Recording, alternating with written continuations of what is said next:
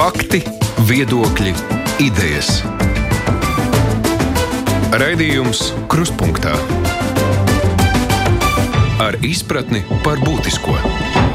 Labdien, studijā Mārija Ansone. Jau vairāk nekā četrus mēnešus ilgst karš Ukrainā un ieilgst uzturēšanās šeit cilvēkiem, kur ir atbēguši pie mums.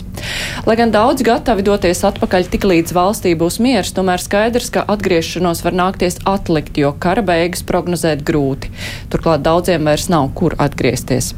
Tādēļ atbraukušiem nāks integrēties šeit uz īsāku vai ilgāku laiku cik viegli viņiem ir iekļauties mūsu sabiedrībā, darba tirgu, izglītības sistēmā, ar kādām problēmām nāks saskarties, par to diskutēsim šodien raidījumā. Mūsu studijā ir Cēsu novada pašvaldības izpildu direktora vietniece, Ukraiņu uzturēšanās koordinātora Baibe Glīta. Labdien! Labdien! Domnīcas providus vadošā pētniece migrācijas un integrācijas jomā Agnes Lāce. Labdien! Labdien! Un arī Rīgas atbalsta centra Ukrainas iedzīvotājiem vadītājs Pēters Grūbe. Labdien! Labdien. Vai tiek apkopoti dati par to, cik cilvēkiem, kas ir, piemēram, ieradušies cēsīs, cik no viņiem ir atraduši darbu, cik bērni mācās skolās, nu kā viņi ir iekārtojušies, vai tā statistika tiek apkopota, un vai viņi ir izteikuši nu, kaut kādu prognozi, nu, cik ilgi viņi gatavojas palikt? Jā, mēs, protams, mēģinām ievākt šo informāciju, jo mums pašiem arī ir svarīgi zināt, cik ir nodarbināti, cik apmeklē skolas. Mēs noteikti zinām, ja tie mums visi ir reģistrēti, apzināti un visas mammas tiek apzvanītas. Ar šo nodarbinātību ir grūtāk, jo nu, mēs nu, no vienas puses dzirdam to, ko viņi paši stāsta. Tādu oficiālāku informāciju mēs saņemam no NVA, kas mums iesniedz to skaitu, kas ir atnākuši pēc šī pabalsta, kas ir vienreizējais 500 eiro, ja tu uzsāc strādāt. Un uz 27. jūniju mums tādi bija 79. Bet no mēs zinām, cilvēkiem? ka uz šodien ir 712. Bet nu, no 600 pāri. Gandrīz 100 strādā, bet es domāju, ka noteikti ir 100, jo ir arī tādi, kas nav vēl aizgājuši vai, vai kas strādā bez līguma vai, vai kaut kā. Un cik no jau. šiem cilvēkiem ir tādi nu, darbspējīgā vecumā, jo droši vien, ka ir arī bērni un seniori? Nu jā, mums vairāk kā 30% ir bērni, ir daudz mammas ar bērniem, jā, kas nevar strādāt, bet tagad precīzi skaitli es nevarēšu pateikt, bet, nu, vēl ir, kas var strādāt. Noteikti. Un kā ir Rīgā, vai kaut kā tas tiek apkopota šī informācija, kas notiek ar cilvēkiem? Jo es saprotu, ka Rīgā ir arī tā plūsma lielāka nekā citur, un uh, iespējams daudz ir tikai nu, uz pavisam uz īsu brīdi šeit. Mm, jā, Rīgā nu, tie skaitļi ir krietni lielāki. Ļoti precīzi ciparos nepateikšu. Tā procentuāla attiecība sievietes teiksim, pret pārējiem ir apmēram 72% sieviešu, uh, 28% vīriešu, no tiem vēl, man liekas, puse ir bērni līdz 18. Nu, tas, tas, tas sieviešu īpatsvars ir ļoti liels. Uh, darbs, nu, par, par darbu mēs tādu ļoti precīzu statistiku nepateiksim, bet no mūsu pašu pieredzes mēs centrā organizējam šīs darba biržas uh, ar neticami labiem rezultātiem. Tad uh, patiesībā četrās biržās mēs esam piedāvājuši aptuveni 1000 vakances, un tā plus mīnus varam teikt, ka 350 cilvēki no šīm 1000 vakantēm darbu ir atraduši. Nu, es uzskatu, ka tas ir ļoti labs rādītājs, un, un, un tur piekrīt arī darba devēji iespēja, kāpēc viņi stāv rindā uz mūsu darba biržu. Vienkārši mūsu telpu iespēja un mūsu pašu resursu dēļ mēs mēģinām šīs biržas organizēt regulāri, un cilvēki nāk un ir interesi. Par darbu ir interesi. Bet, eh, darba devēji, kādi darba devēji nāk uz to darba biežu? No dažādi. Pašu pirmo darba biežu, nu, teiksim tā, eksperimentālo mēs veicām ar Rīgas pašvaldības kapitāla sabiedrībām, mm, kur arī izrādījās diezgan daudz vakances, 177 vakances. Un, un tas pirmais pārsteigums bija, kad uh, uz šīm 177 vakancēm 100 cilvēki sāka sarunas par darbu un, un, un praktiski arī darbu. Tā kā, nu, tas ir ļoti liels, milzīgs procents. Un, nu, ja to rēķina divu ar pus stundu laikā, vienā tikšanās reizē var šādu skaitli cilvēkiem piedāvāt darbu, es domāju, ka tas ir ļoti labi. Ja mēs runājam par cilvēkiem, kuri ir ieradušies šeit uz īsāku vai garāku laiku un nu, domājam par to, ka viņi ir jāintegrē arī nu, uz nezināmu laiku, kas ir tie galvenie rādītāji, lai mēs varam teikt, ka nu, šis process rit uz priekšu? Tas ir tas pats darbs, izglītība, kas vēl? Um, darbs uh, un izglītība um, pavisam noteikti. Uh, protams, arī uh, mājoklis uh, un sajū, drošības sajūta par, par šo mājokli. Um, mājoklis atbilstoši vajadzībām uh, at, attiecīgi cilvēkam, ja tā ir ģimene ar bērniem vai persona ar kustību traucējumiem, lai, uh, lai tas mājoklis būtu tāds, kas, um, kas ļauj viņiem tur justies brīvi un droši. Um, tā uh, izglītība, um, protams, arī atbalsts mm, valodas apguvēji, mm, piekļuve pakalpojumiem, dažādu veidu pakalpojumiem, sociālā dienas pakalpojumiem, veselības aprūpēji, um, atbalsts mm, tādu ikdienas vajadzību apmierināšanai. Un,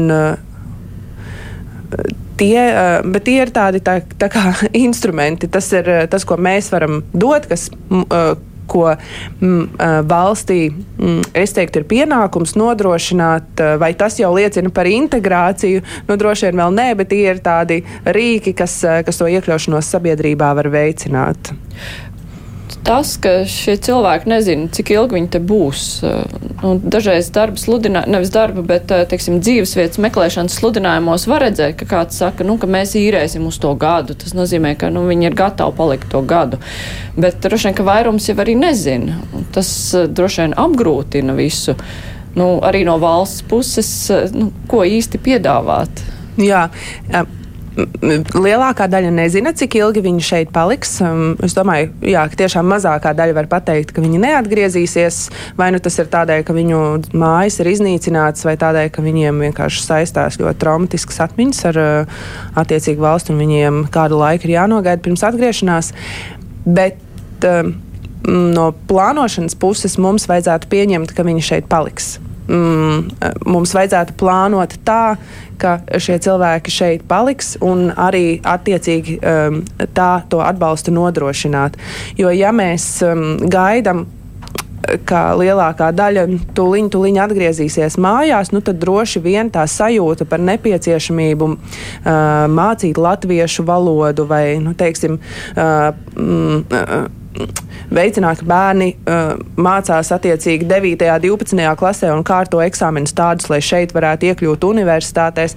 Nu, mums uh, trūkstam iniciatīvas spēka un gribas spēka, um, ja mēs domāsim, ka rītdien viņi visi dosies prom.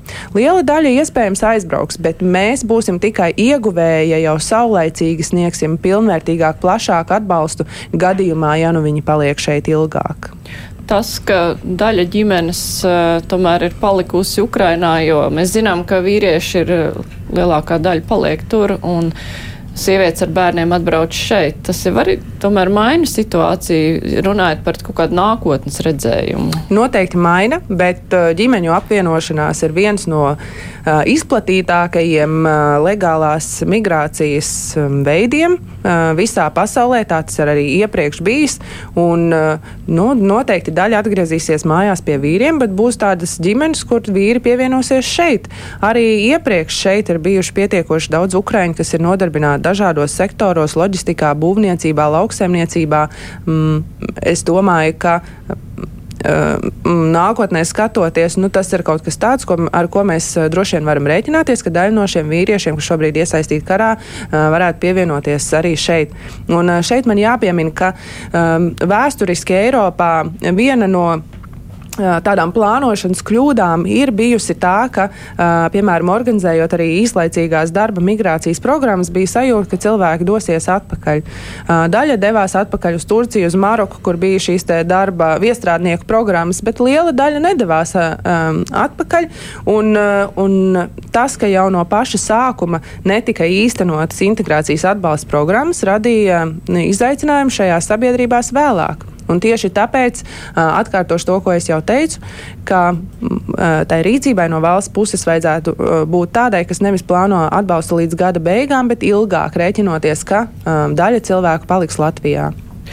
No reģionu viedokļa, nu, Latvija vispār ir sūdzējusies, ne, nevis Latvija, bet ne mēs satraucamies par to, ka cilvēki dodas prom, ka reģionos paliek tukšāks. Nu, tad uh, tas, ka tagad ir ieradušies cilvēki spiestā kārtā, bet uh, zinot, ka varbūt viņi paliks uh, varbūt novadi to var izmantot kaut kā savā labā un integrēt. Nu, šobrīd tās ir daļējās ģimenes, bet ar domu, ka varbūt viņi paliks ilgāk un vairāk.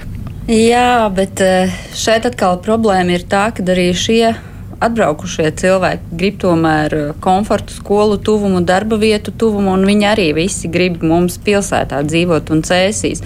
Un varbūt tajos reģionos tālākajos, kur būtu gan šīs vietas, vairāk skolās, tur atkal uzreiz ir problēmas ar darba vietām, ar transportu, un tur arī viņi nelabprāt uzturās. Tā kā, nu, par to arī ir. Ir cēsis sūdzētos, ja būtu vairāk iedzīvotāji? Protams, nē. Un Nu, es saku, mums jau ir diezgan veiksmīgi. Mēs zinām noteikti, ka ir jau cilvēki, ka, kuri ir teikuši, kas paliks, kas šeit strādā. Mūsu cēsu klīnikā ir ārsti jau, mums ir uh, masiere jau sākusi kā, savu uzņēmēju darbību un, un, un nodarbojās. Un, jā, ir daudz, daudz nodarbinātu cēsu alus, ir apmierināts. Ļoti daudz tiek nodarbināts cēsu alu. Bet, bet skolās, jā, cēsīs mums šobrīd jau praktiski gandrīz skolas un bērndārs ir aizpildīti. Vairs mēs nespējam tīri uzņemt. Tad ir tikai par novada attālākajām skolām jādomā. Bet eh, kā ir Rīgā? Nu, Rīgā tā kā droši vien arī darba iespējas ir lielākas, arī nu, izglītības iespējās, iespējas ir bērnu dārzos, var tur mēģināt atrast vairāk vietas. Eh, Rīga nav interesēta kaut kā, nu mēģināt eh, šos cilvēkus integrēt arī tālākā nākotnē. Kā jums šķiet, vajadzētu būt vai nevajadzētu? Rīga, protams, ir ieinteresēta un Rīga arī šobrīd dara, ko var lietas labā. Protams, ka tur ir citi aspekti, ne tikai darbs un, un, un, un ne tikai izglītība, bet uh, arī dzan, dzīves vietas, kas Rīgā šobrīd ir lielākā problēma. Un, un, un dzīvokļus atrast ir grūti cilvēkiem, un, un, bet ar darbu, ar darbu un, un izglītību es domāju, ka problēma īpaši nebūtu. Un mums ir ļoti daudz bērnu pieteikti gan skolās, gan, gan, gan bērngārzos. Tā kā viss process notiek. Bet tad atkal viss sadurs pie tā dzīves vietas uh, nēsamības. Bet uh, droši vien, ka nav tā, ka pilnīgi viss dzīvojamais sektors ir aizpildīts ar cilvēkiem. Tur uh, droši vien, ka nevar sa salikt kopā tos tukšos dzīvokļus ar tiem cilvēkiem, kuri var uh, tur dzīvot, vai nebūtu jādomā par to, kā stimulēt dzīvokļu īpašniekus. Tomēr, nu, ja nav īsti nostrādājis tā jaunā kārtība, tas atbalsts, eh, par ko valdība lēma, nu, par katru cilvēku, kas tiek izmitināts, eh, dot zinām naudas summu, tad varbūt kaut kā vēl stimulēt. Varu nedaudz pastāstīt, tāda ideja ir radusies, un mēģināsim centrā to arī realizēt. Ceru, ka tikpat veiksmīgi kā darba biržu mēs mēģināsim taisīt arī šo uh, dzīvokļu īpašnieku un uh, dzīvokļu potenciālo izīrētāju tikšanos klātienē un vienošanos. Mēs esam pamanījuši, ka tā varbūt ir kultūrāla atšķirība vai kā, bet uh, kaut ko ilgu un sarežģītu meklēt cilvēkiem ir grūti. Bet tad, kad satiekās darba devējs vai dzīvokļu īpašnieks tieši ar pašu cilvēku, viss notiek kaut kā ļoti ātri un, un, un fiksi. Nu, šāda ideja ir. Mēģināsim savus darba resursus salikt visus kopā.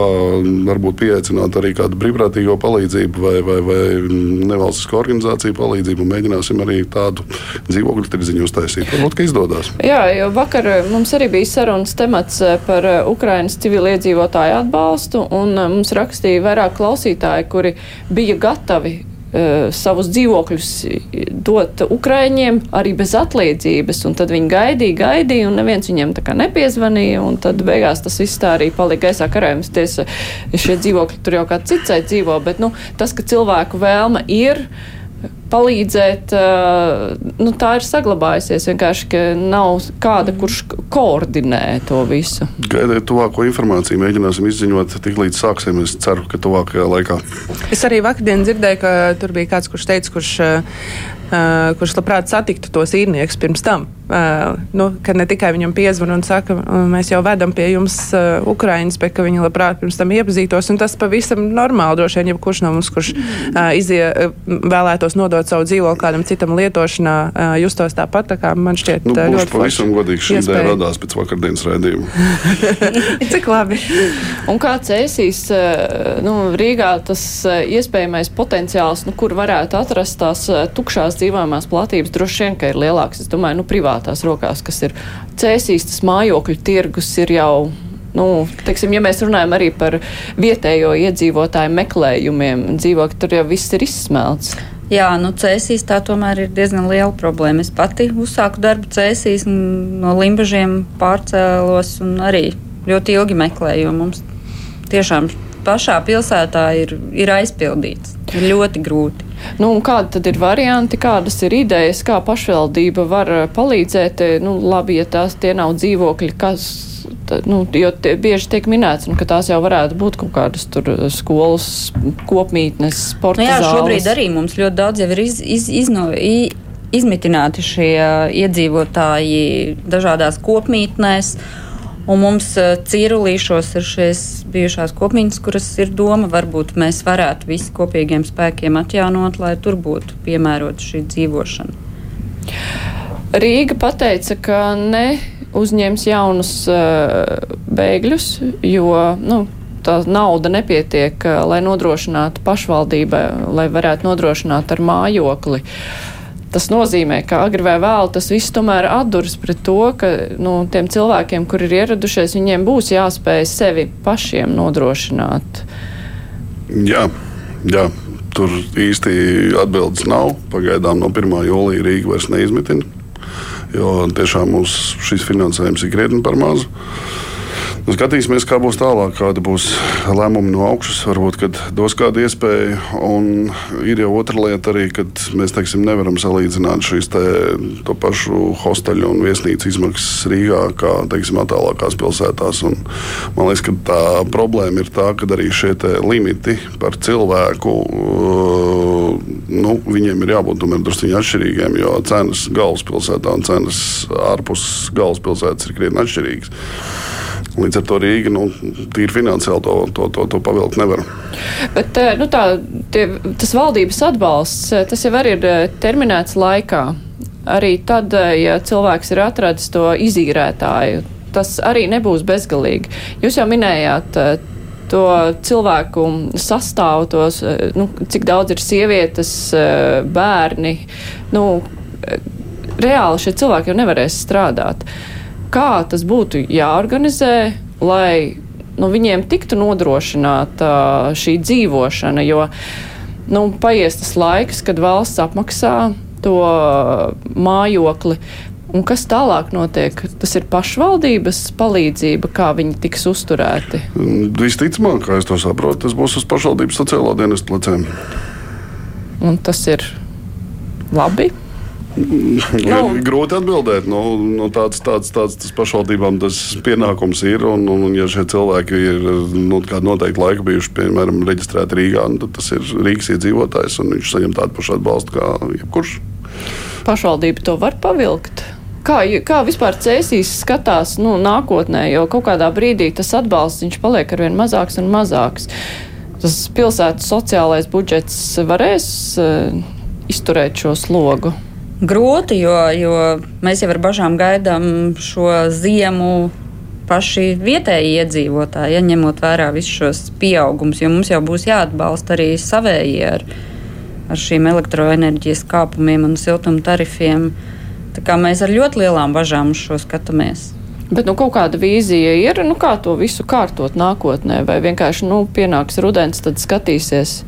Jo Nu, jādomā, ka cilvēku šo ukraiņu skaits ir būtiski nesamazināsies, kas dzīvo jūsu pašvaldībā.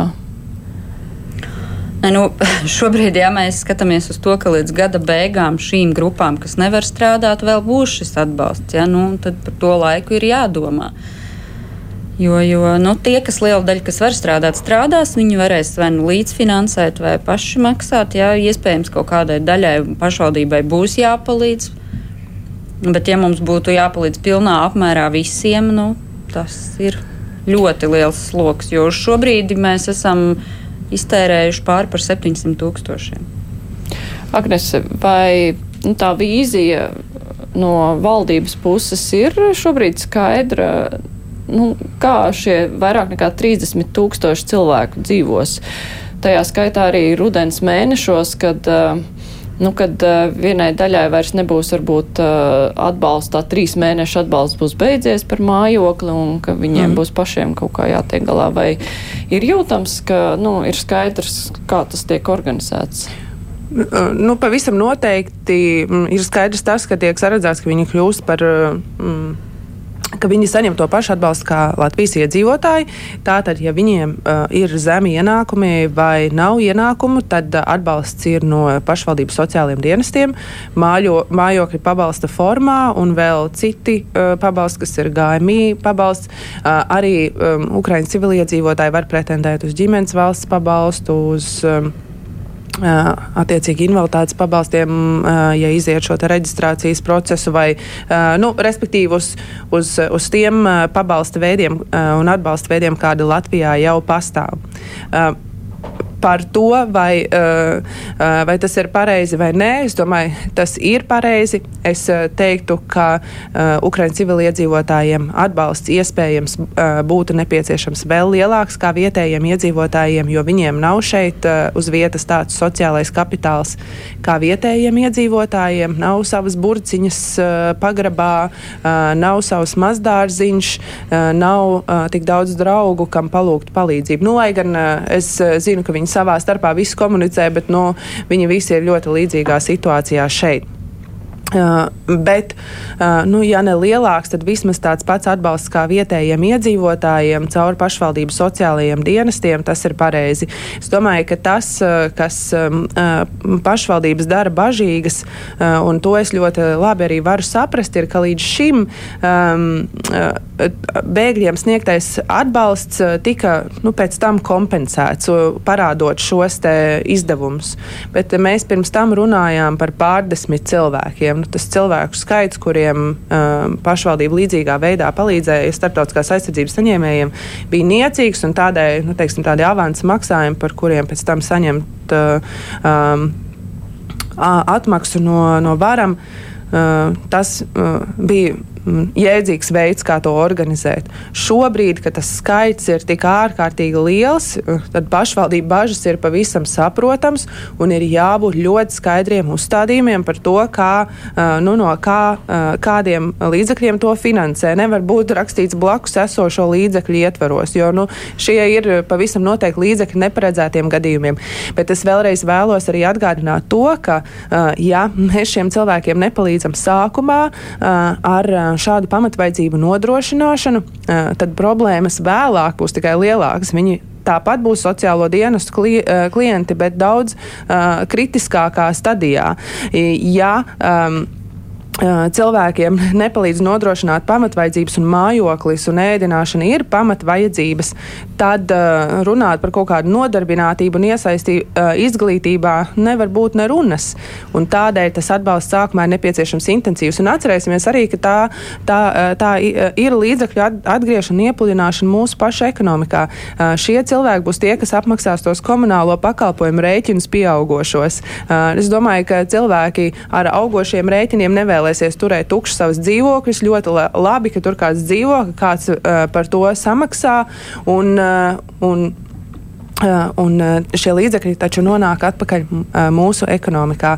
Uh, uh, tas, ka uh, par ka izskan uh, frāzes, ka tas būs uz mūsu bērnu un mazbērnu pleciem uh, tikt galā ar šiem izdevumiem.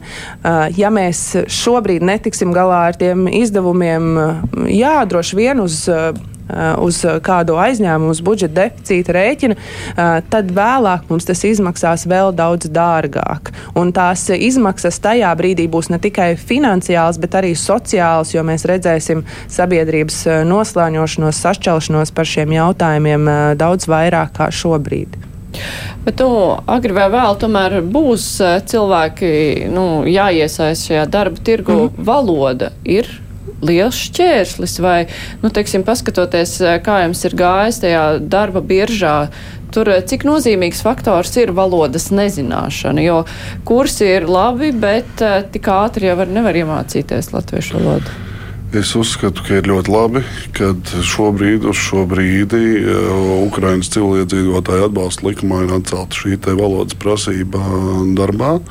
Jo um, primārais ir, lai cilvēkam ir kur dzīvot un lai viņš var nopelnīt naudu iztikai. Valodas mācība notiks vai viņš ies uz kursiem, vai viņš viņu apgūst turpat tās pašmācības ceļā, darbā esot jau. Tā ir praksa, tā ir iespēja. Līdz šim mums bija diezgan atžgāra sistēma. Ja, ja cilvēks grib uh, sākt teiksim, strādāt, nu, tad viņam pa priekšu ir jānoliek valodas apliecība. Bieži vien šie kursi bija kaut kādos dīvainos laikos, uh, dienas vidū, kad, kad, kad īsti nevar ne, ne, ne salikt to visu loģiski kopā. Šobrīd, man liekas, ir perfekts laiks. Un, uh, Latvijā nav ļoti liels problēmas ar krievu valodu. Ukraiņi arī runā krieviski. Es domāju, ka šī saziņa uh, šajā gadījumā ir, ir, ir, ir krietni vienkāršāka. Un patiesībā šobrīd ir ļoti labi, ka šī valoda uzreiz nav vajadzīga. Pēc tam tie, kas gribēs integrēties, tie, kas tiešām paliks, tie, kas Latviju nepametīs, es domāju, viņu valodu iemācīsies pilnīgi automātiski. Un jāsaka, ka nu, pat jau ir uh, arī izsludināta pieteikšanās ļoti daudziem kursiem. Sabiedrības integrācijas fondam bija konkurss uh, vispirms par pakalpojumu sniedzējiem. Šobrīd jau šie uh, uh, valodu mācību nodrošinātāji jau aicina cilvēkus pieteikties uh, grupās uh, A1 līmenim apgūšanai gan klātienē, gan tiešsaistē. Um, beidzot, beidzot ir uh, šīs iespējas un turklāt ļoti lielam skaitam. Um, manuprāt, tas šobrīd ir apjomīgākais uh, latviešu valodas apmācību uh, piedāvājums, kāds jebkad ir bijis citu valstu pilsoņiem Latvijā. Un, uh, tas uh, gaida man nepacietību, ka tie kursi sāksies, tā tiešām bija viena no lietām, par ko Ukraiņi ļoti interesējās šeit atbraucot NVO informācijas punktā Kaļķielā. Par to katru dienu bija visvairāk jautājumu. Mums raksta par cēsu novadu lauku teritoriju. Zemnieks kāds raksta, ka Ukrāņi ir apmierināti ar laukiem, bet latviešu valodas mācīšana klātienē nav iespējama. Novada amatpersonas iedod tikai sarakstu ar firmām, kuras nodarbojas ar valodu mācīšanu, bet tās atrodas pilsētās. Tādēļ ieteikums veicināt latviešu valodas apgūšanu klātienē pagastos dzīvojušiem Ukraiņas bēgļiem vasarā varētu piedāvāt darbu skolu valodu skolotājiem. Tas ir iespējams tā pa lauku teritorijām vai pārāk dārgi sarežģīti? Es domāju, ka ir iespējams. Jāskatās, jā, mēs bijām sākumā nodrošinājuši cēsīs. Mums bija šīs valodas apmācības, jo sākumā jau visi koncentrējās cēsīs. Un tad, tad pēc tam jā, mēs atradām iespēju, kur ir tieši saistē, lai arī visi varētu piedalīties. Un šobrīd mums uzvarējis šajā konkursā ir Buts, kur arī varēs pieteikties. Bet jā, mēs varam noskaidrot, ja ir vairāk gribētāji grupa kaut kur tālāk pa reģionu. Tad es domāju, ka arī ir laba doma tiem, tiem kursu organizētājiem, kas var nodrošināt šīs iespējas attālināti, droši vien par to plašāk stāstīt. Jo nu, tur jau vienalga, vai tas kursu nodrošinātājs ir reizeknē vai cēsīs, ja kurš var pieslēgties, ja tas ir attālināti. Bet jūs stāstījāt par to, nu, kāda veida darbas, darbs tiek piedāvāts darba biržā Rīgā. Nu, tur visur var iztikt bez valodas. Es domāju, ka to jau izlemj pats darba devējs, kurš uz darba biržu nāk, kurš šo vakants piedāvā. Un, patiesībā es domāju, ka cilvēki arī dažādi kombinē. Viņi, ja, piemēram, tas ir ārsts, tad viņi saslēdz ar latviešu runājošām medmāsām vai, mm. vai, vai kaut ko tādu. Jo patiesībā arī mums medicīnā to speciālistu trūkst. Un, mums nāk slimnīcas, kas iegūst šos trūkstošos ārstus un ļoti ātri un pat ir gatavi gaidīt tās 45 dienas, kamēr apstiprinās tie mediķa dokumenti dokumenti.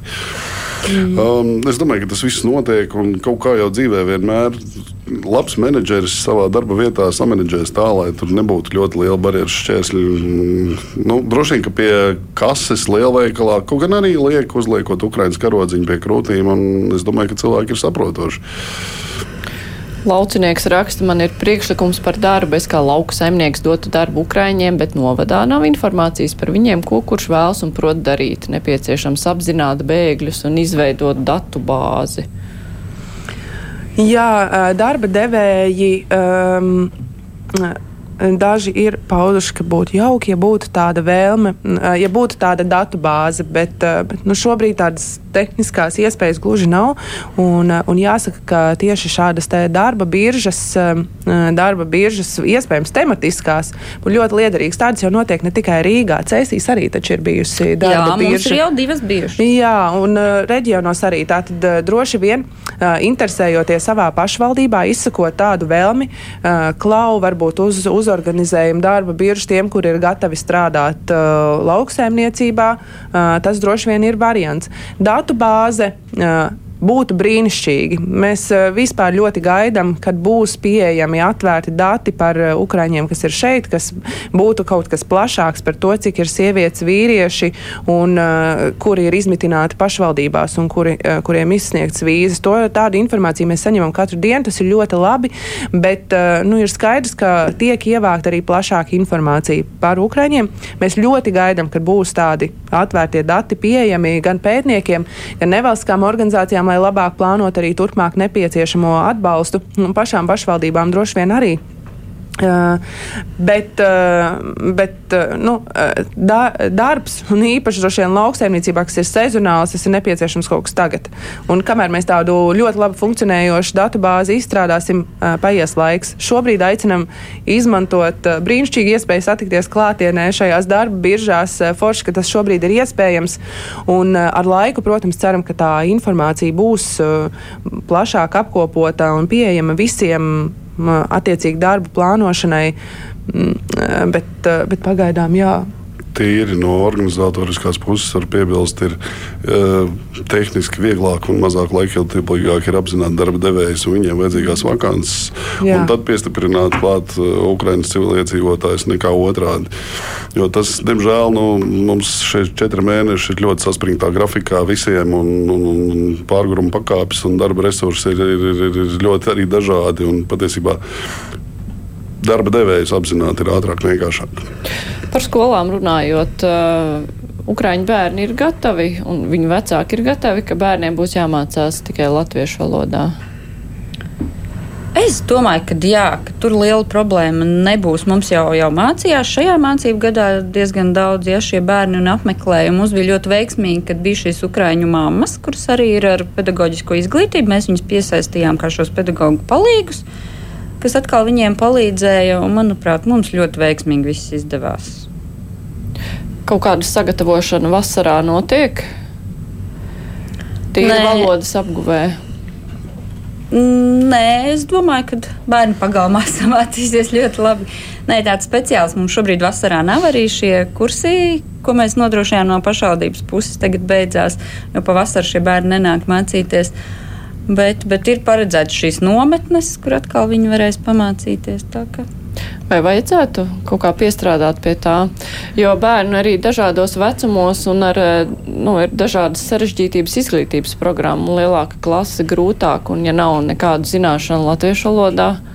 E, e, es domāju, ka vasaras periodu tam noteikti vajadzētu izmantot. E, kā jau jūs teicāt, īpaši vecākiem bērniem, kuru, kuriem mācību saturs ir daudz sarežģītāks, un kuri arī droši vien pavisam citādā veidā mācās svešvalodas kā mazi bērni. Arī vienkārši informācija par, par to, kāda veida atbalsts ir pieejams skolās. Es saprotu, ka CSIS strādā ļoti labi, ir pieejama informācija par papildus finansējumu skolotāju palīgiem un papildus stundām, par uh, latviešu valodas, Latvijas vēstures uh, apguvēju līdzīgi kā citiem uh, ārvalstniekiem, starptautiskās uh, aizsardzības saņēmējiem. Uh, taču daudzas skolas līdz šim ar ārvalstniekiem nebija strādājušas, un, uh, un viņiem tāda informācija nebija, un nav arī šī skolotāja sagatavošanās. Tā no vienas puses ne, tādi latviešu valodas kursi skolēniem būtu lieliski.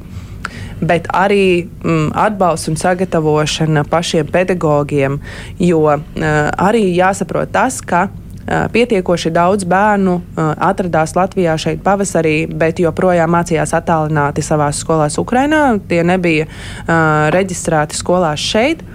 Es domāju, ka rudenī mēs varam gaidīt, ka būs vairāk tādu bērnu, kur noslēdz tur skolas gadu un ir gatavi nākošo mācīties šeit. Līdz ar to jā, tas vasaras periods būtu ļoti labi izmantojams šim. Runājot par nometnēm, ir ļoti labi, ka šādas nometnes pašvaldības organizēs, kur ir nosacījums 50% Latvie, Latvijas bērnu un 50% Ukraiņu bērnu. Arī šai starpkultūra miedarbībai un valodas, valodas apguvēi. Mm, taču arī šīs nometnes notiek diezgan, diezgan novēloti. Un, un, ir, pašva, ir tādas pašvaldības, kuras, diemžēl, pateica, ka viņām šis sagatavošanās periods ir pārāk īss, lai patiešām tādas nometnes organizētu. Ir pašvaldības, kuras to uzspējas izdarīt ļoti forši, bet tas nav līdzvērtīgi visā valstī. Tādēļ arī tas skolas posms mm, skolu sagatavošana un skolēniem latviešu valodas nodrošināšana ir ļoti svarīga.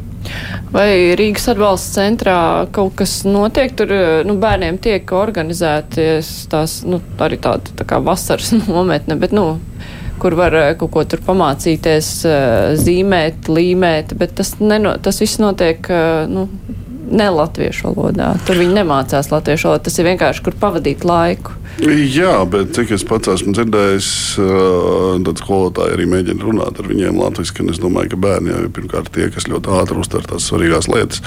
Teikšu godīgi, jā, pēdējās divas nedēļas mums trešā stāvā ir ļoti skaļi. Jūtam, ka nometne mums ir un, un bērni ir daudz. Un, tiek spēlētas visādas spēles un darītas interesantas lietas.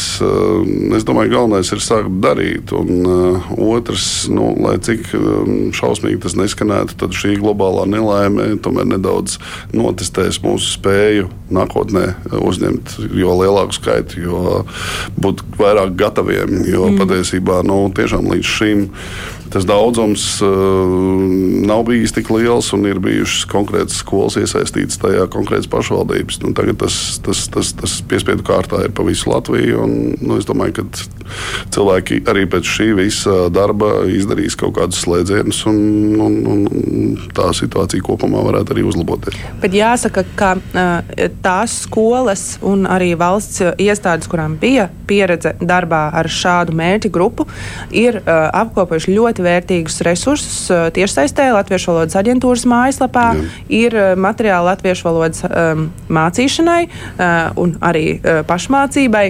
Un, uh, un uh, tas, ka tur jau bija tas apkopojums, kuru šobrīd varēja diezgan ātri anotāciju iztulkot arī ukraiņu valodā, ir lieliski. Uh, tas ir resurs, un arī Latviešu valodas aģentūra, es domāju, ir tā iestāde, pie kuras skolotāji var vērsties vai atsevišķi skolu direktori, kur vēlētos sagatavot savus pedagogus labāk. Tā ir tā institūcija, kuru uzrunāta, lai šos papildu resursus un atbalstu saņemtu. Tā kā nav tā, ka mēs nekad nebijām neko tādu darījuši un ka nemaz nebijām gatavi. Bijām. Tagad jāliek lietā šī iepriekš iegūtā pieredze, lai palīdzētu arī Ukraiņiem šeit labāk iejusties skolās. Un kā ar sabiedrisko dzīvi veidojas Ukrāņu kopiena, tāda tā kā nu, latviešu emigrācijā uzreiz sačupojās, vai arī notiek kaut kas tāds, nu, kur Kā? Es domāju, gan, gan uh, esmu, uh, esmu dzirdējis, um, ir. Es domāju, ka vairākas šīs vietas, pulcēšanās vietas, kas šobrīd ir izveidojušās, kur Ukraiņi satiekas, piemēram, Common Ground vai tāpat Kaļķiela, es domāju, ka tas bērnu, bērnu stūrīts ir tāda vieta, kur cilvēki ar bērniem ļoti labi satiekās, ik pa laikam un iepazīstās. Tas, kas pietrūkst, ir miedarbība ar vietējiem iedzīvotājiem. Tas, kā to var veicināt, ir pašiem vietējiem iedzīvotājiem doties palīgā uz šīm vietām, piezvaniet savai pašvaldībai un painteresējieties, kur ir nepieciešamas palīdzīgās rokas, un neiet satieciet Ukraiņus, jo um, droši vien, ka mums Ukraiņus ir atrast vienkāršāk nekā viņiem mūsu. Cēsīs draudzējas vietēji ar Ukraiņiem. Jā, draudzējās. Viņi gan savā starpā ir izveidojuši Facebook grupu un WhatsAppā viņiem ir sarakstas informācija ļoti ātri aiziet. Gan arī latvieši, jā, un tieši labi darbojās tādās mazās grupiņās. Viena sieviete pie sevis uzaicina septiņus ukrāņus uz Jāņiem, vēl kādu viņi kopā nosvin. Tad uh, mums ir uh, viens ukrāņu vīrietis, seniors, kurš ļoti labi spēlē galdu tenisu, ir tur bijis čempions laikam Ukrainā. Mēs viņu savedām kopā ar vietējiem gādu tenisistiem. Viņiem tagad ir mači un viss notiek. Un, un es gribētu arī uzslavēt mūsu jauniešu māju, kas ļoti aktīvi darbojās. Gan sākumā iesaistot jauniešus, viņus izvedājot, izrādot brīvlaikā, organizējot filmu vakars, kopīgu pitu cepšanu. Ka arī šobrīd vasarā mūsu jauniešu mājas durvis visu laiku ir atvērtas, un, jā, un tur arī tiekās tieši šie lielāko vecumu jaunieši tiekās savā starpā. Gan latvieši nāk, kas grib varbūt pamācīties krievu valodu, gan atkal ukrāņiem ir. Es domāju, mums cēsīs diezgan veiksmīgi tas notiek. Jā, bet es gribu teikt, ka tas darbojās šādās mazās grupiņās. Tad lieli organizēti pasākumi visiem īsti nē, tieši ļoti labi. Vai mūsu Ukraiņas centra darbinieci, kas tuvāk sapazinās ar sievietēm, atkal uzaicina pie sevis, izrāda. Un tā tas pamazām notiek. Jā, tā integrācija ir būtiska ne tikai no vienas puses, bet no abām pusēm. Es teikšu paldies. Šodien kopā ar mums Agnese Lāce, providus pētniece migrācijas un integrācijas jomā no Cēsīm, pašvaldības novada izpildu direktora vietniece Baiba Eglīte un Uh, un Rīgas atbalsta centra Ukrainas iedzīvotājiem vadītājs Pēters Grūbe. Paldies, ka varējāt būt kopā ar mums, un mēs tūlīt sākam brīvo mikrofonu.